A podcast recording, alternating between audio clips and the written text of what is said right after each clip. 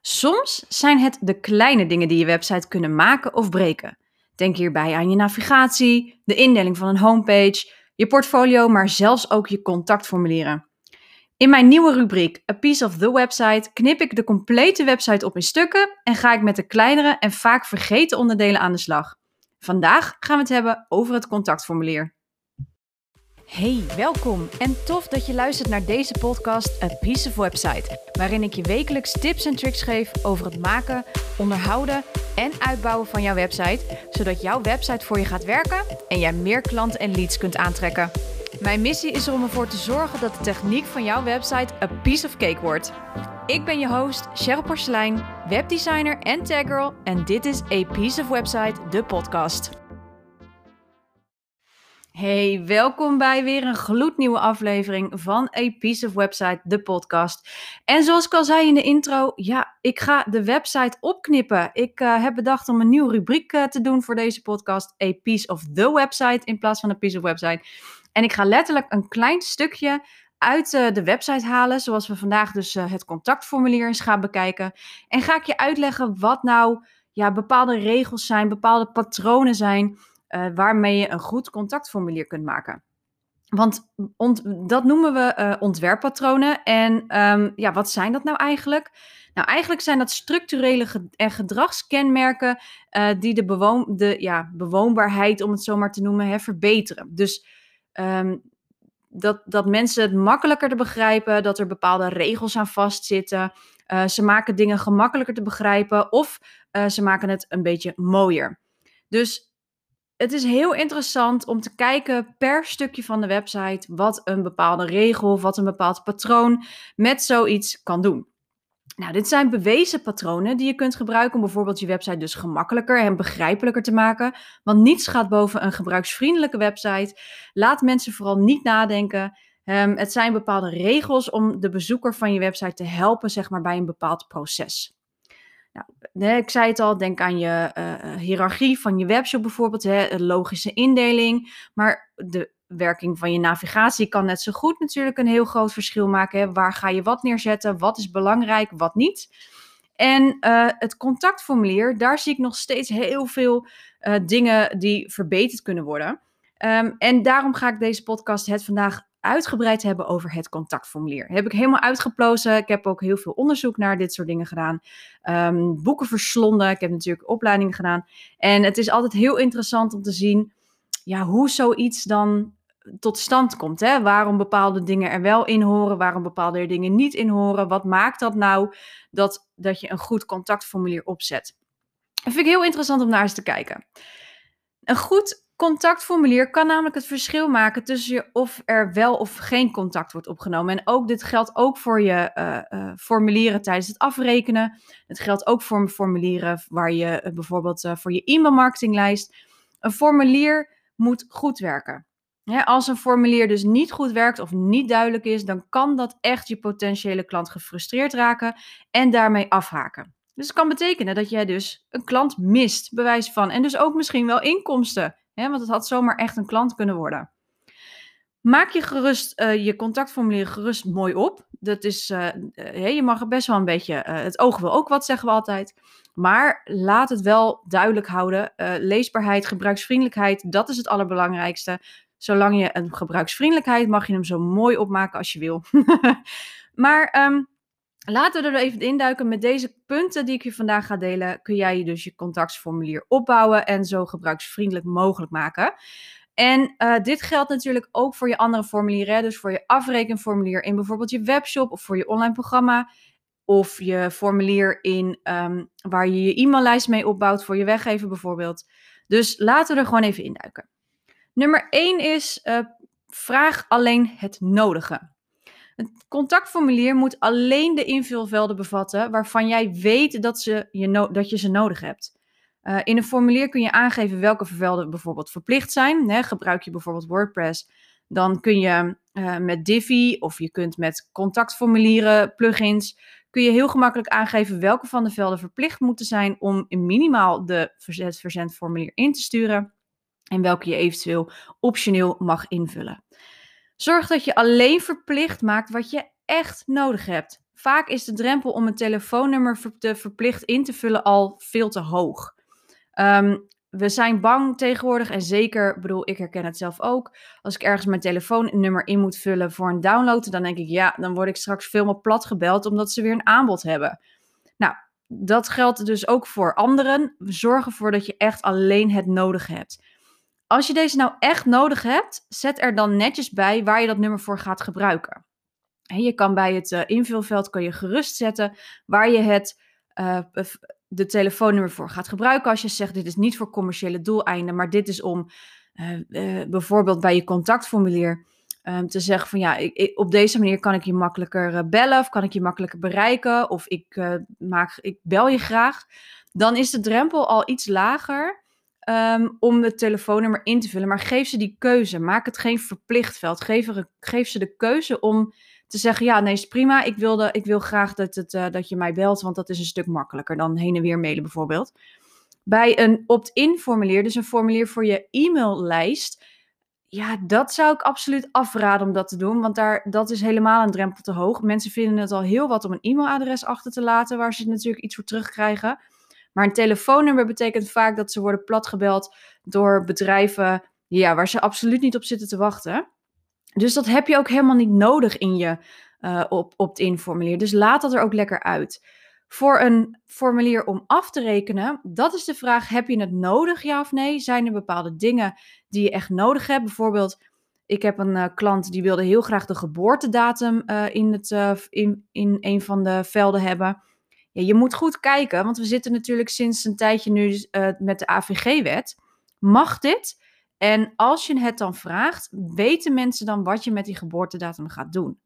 Dus ook daarin is het heel belangrijk. Heb je het echt nodig? Zo nee, laat het dan achterwege. Want het kan echt het verschil maken of mensen wel of niet het formulier invullen. Dus mocht je bezoeker bijvoorbeeld het niet willen invullen, dan kun je altijd nog extra via de mail uh, informatie vragen. Um, ook voor de telefoonnummer natuurlijk, maar ook voor als je geboortedatum, als je die echt, echt nodig hebt, dan kun je dat meestal achteraf beter doen. En dan kun je ook uitleggen waarvoor je deze gegevens nodig hebt en wat je er dus dan mee gaat doen. dat is met de AVG-wet is dat heel belangrijk dat je daar bovenop zit. Een standaard contactformulier bestaat bijvoorbeeld uit uh, naam, eventueel een achternaam, is niet eens echt verplicht. Uh, heb je ook eigenlijk niet helemaal nodig, tenzij je um, ja, hem, hem of haar wil opzoeken op LinkedIn of iets dergelijks. Maar meestal heb je aan een voornaam wel genoeg. Um, een e-mailadres natuurlijk, eventueel een onderwerp, hoeft ook niet eens per se, mag wel. En natuurlijk uiteindelijk het bericht. Het bericht is natuurlijk wel verplicht, want ja, je moet, je moet wel weten waarom mensen natuurlijk jou, van jouw contactformulier gebruik maken. Um, is wel handig om te weten, uh, anders wordt het heel lastig om weer contact op te nemen. Dus bericht, Naam en e-mailadres kun je verplichten. Onderwerp kun je optioneel doen. Je mag het verplichten. Je kan erbij zitten van ja, ik wil graag weten waar, van, van tevoren waar dit over gaat. Um, maar je kan ook daarvoor kiezen om het optioneel te maken. Dus dat mensen zelf kunnen kiezen of ze deze willen invullen. Nou zijn we het onderwerp invullen vrij makkelijk gewend. Dus daar zullen mensen ook vanzelf wel vaak iets invullen. Um, dit moet dus gewoon voldoende zijn om in ieder geval je ja, contact op te kunnen nemen met je bezoeker, met je websitebezoeker. En daar gaat het natuurlijk om. Hè? Het is niet, uh, het contactformulier is echt puur de eerste contactmoment om bijvoorbeeld uiteindelijk een salesgesprek of iets dergelijks te kunnen voeren of een vraag te kunnen beantwoorden. Voor de opt-in formulieren, voor de e-maillijst, geldt meestal eigenlijk voornaam en e-mailadres en that's it. Um, meer heb je daar meestal niet voor nodig, want het systeem uh, heeft eigenlijk genoeg aan een voornaam, zodat je het kunt personaliseren. En uiteraard het e-mailadres waar het naartoe wordt gestuurd.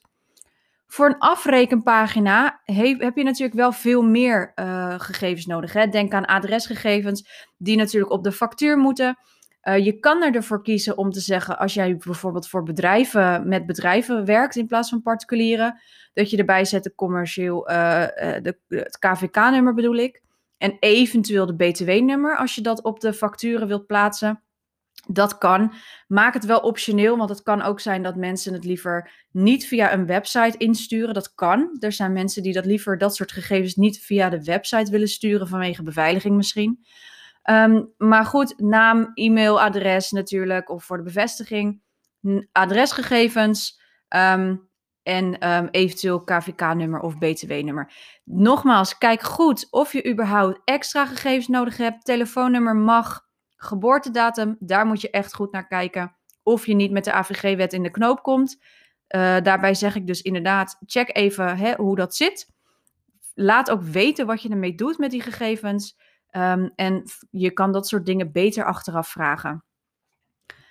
Tip nummer twee is: geef een duidelijke foutmelding en succesbericht. Um, ik weet niet of je het wel eens meegemaakt hebt, maar dat je, je, je bent een formulier aan het invullen. En ik weet niet of je dit even voor je kan halen. Je bent een formulier aan het invullen. Je hebt al die gegevens ingevuld. Hè, daar heb je heel veel moeite voor gedaan, want je wil iets aankopen bijvoorbeeld. Um, hè, en je bent echt in het bestelproces. Je hebt er zin in. Je, bent, uh, je, hebt, je hebt je gegevens met alle mogelijkheid ingevuld. En plots krijg je een foutmelding. Nou, nou, nou, nou zie je dus eigenlijk het enige staan is check het formulier. We hebben een foutmelding, check het formulier. Oké, lekker onduidelijk. Um, je checkt het formulier, maar je ziet bijvoorbeeld niet wat er fout is. Nou, frustratie ten over. Ik, ik denk, ik ga er echt vanuit dat je dat voelt opborrelen ondertussen. um, maar je hebt ook de neiging om te zeggen: ja, dag, als het al één keer of twee keer niet lukt en ik krijg steeds een foutmelding en ik zie niet waar die foutmelding vandaan komt en hoe ik die kan oplossen, dan kap ik ermee. Dan ga ik naar een andere winkel of ga ik naar een ander bedrijf. Oké, ja, dat betekent dus dat jouw klant en jouw potentiële klant dus gestopt is met het afronden van het proces. Hè, je weet dus hoe dat voelt. En je weet dus ook hoe dat dan dus niet moet. dus tegenwoordig met de plugins die we nu hebben voor WordPress en ook vaak wel voor de, voor de builders uh, zoals Wix of, of ja, dat soort standaard uh, bouw, websitebouwprogramma's. Is dat wel een stuk makkelijker, makkelijker geworden om aan te geven wat er precies fout is gegaan. Het zit er tegenwoordig redelijk automatisch in, maar het kan nog wel eens voorkomen dat je dit even extra moet checken. Zorg dus dat als iemand iets foutiefs invult, ze direct zien waar die fout is en wat ze dus moeten doen om het succesvol af te ronden. Weet je, duidelijkheid is hier zo belangrijk. En ook gaat er juist iets goed, zoals een formulier dat succesvol is verstuurd, zorg er dan dat het duidelijk is. Weet je, je kan het heel makkelijk doen door je bezoeker bijvoorbeeld naar een bedanktpagina door te sturen met eventueel wat extra informatie. Of je kunt hem vervangen gewoon letterlijk door een bedankbericht. Uh, maar maak in ieder geval overduidelijk dat iets gelukt is. En maak ook overduidelijk dat er iets niet gelukt is. En zorg er ook vaak voor dat je met kleuren gaat werken. Rood is vaak dit is niet goed. Check waar het fout is gegaan. En groen is meestal hè, succes. Uh, je, bent, uh, je bent geslaagd. Of dus doorverwijzen naar je bedanktpagina. Zorg voor duidelijke informatie. Punt 3. Zorg voor duidelijke informatie. Um, bij of in de invoervelden, en dat is tegenwoordig met die plugins van tegenwoordig ook heel makkelijk, um, kun je dus teksten plaatsen. Dat noemen we in een heel mooi woord labels, zoals we dat in, uh, in onze webdesignland noemen. En je ziet vaak, als je, dus, uh, als je mijn uh, contactformulier wel eens hebt gezien of andere formulieren hebt gezien, je ziet vaak bij naam staan naam. Dat, je, dat je letterlijk weet wat er in dat invulveld geplaatst moet worden. Zorg in ieder geval dat je duidelijk aangeeft dus wat je van je websitebezoeker verwacht.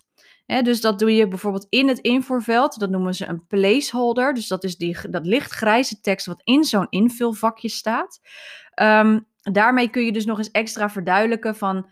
Uh, hier plaats je jouw e-mailadres of als je een telefoonnummer wilt vragen... dat je ook laat zien op welke manier de telefoonnummer moet ingevoerd worden. Dus heb jij liever plus 31, zet dat er dan bij in plaats van 06 bijvoorbeeld.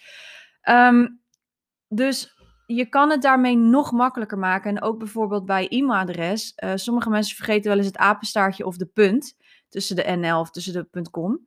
Geef ook aan hè, dat je het op deze manier, uh, info en jouw domein.nl, uh, dat je het op die manier wilt dat mensen het invullen. Dat ze ook zien van, oh ja, ik moet niet die apenstaartje of niet die punt vergeten. En daarmee maak je de, het contactformulier, maak je gewoon heel erg gebruiksvriendelijk. Het is gewoon letterlijk dat mensen gewoon niet over na te denken. Ze kunnen het voorbeeld pakken en ze kunnen het direct invullen. Dus daarmee zorg je voor duidelijke informatie. Punt 4 is, en daarmee is het alweer het laatste punt, is zorg ook voor een duidelijke knop. De call to action. Uh, een belangrijke knop moet er te alle tijden uitspringen. Het moet goed contrast geven met de rest, zodat de bezoeker niet hoeft te zoeken naar die verzendknop. Geef je verzendknop dus daarom even een opvallende kleur. Uh, en natuurlijk ook een duidelijke actie zoals verzenden, aanmelden, offerte aanvragen, ik koop nu, um, um, uh, nou ja, noem het allemaal maar op. Geef in ieder geval een duidelijke call to action, dus een, een um, oproep tot actie in het Nederlands. En daarmee zorg je ervoor dat mensen ook daadwerkelijk zien dat dit de knop is die bij dat formulier hoort. Het kan namelijk zo zijn dat jij verderop in je website of vlakbij het formulier um, een andere knop hebt staan. En Joost mag weten waarom. Het gebeurt, het kan wel eens dat die knoppen iets te dicht bij elkaar staan, dat er net eentje boven staat bijvoorbeeld. Het is echt waar, mensen zijn te lui om zelf na te denken soms. Het is, het is, kan er niks anders van maken. Um, in designwereld is het echt zo. We zijn echt, ik ben opgeleid om echt mensen niet te hoeven laten nadenken. En mensen gewoon letterlijk, als er een knop is, dit is de knop. En meer, meer hoeft er niet in. Weet je, ik, het is. Um, wij, wij hebben uh, tegenwoordig hebben we tijdtekort, althans dat vinden wij. Um, daardoor zijn we vaak gehaast. En dat maakt dat we niet willen nadenken over welke actie we op dit moment moeten ondernemen. Dus als dat betekent dat ze moeten nadenken welke knop er gebruikt moet worden, dan is dat eigenlijk al een gedachte te veel. En het klinkt misschien heel lullig wat ik zeg, maar het is echt waar. Je wil mensen op je website niet te veel laten nadenken over de functionaliteiten, dus de functies die je website hebt. Um, om maar makkelijk contact met je te kunnen opnemen. Of dat je um, een afrekenformulier plaatst. Hè, dat je geen extra knoppen daarbij zet, want dat werkt verwarrend. Mocht dat nou het geval zijn dat je wel er een extra knop in de buurt hebt staan, zorg er dan voor dat het duidelijk is dat de knop bij het formulier hoort.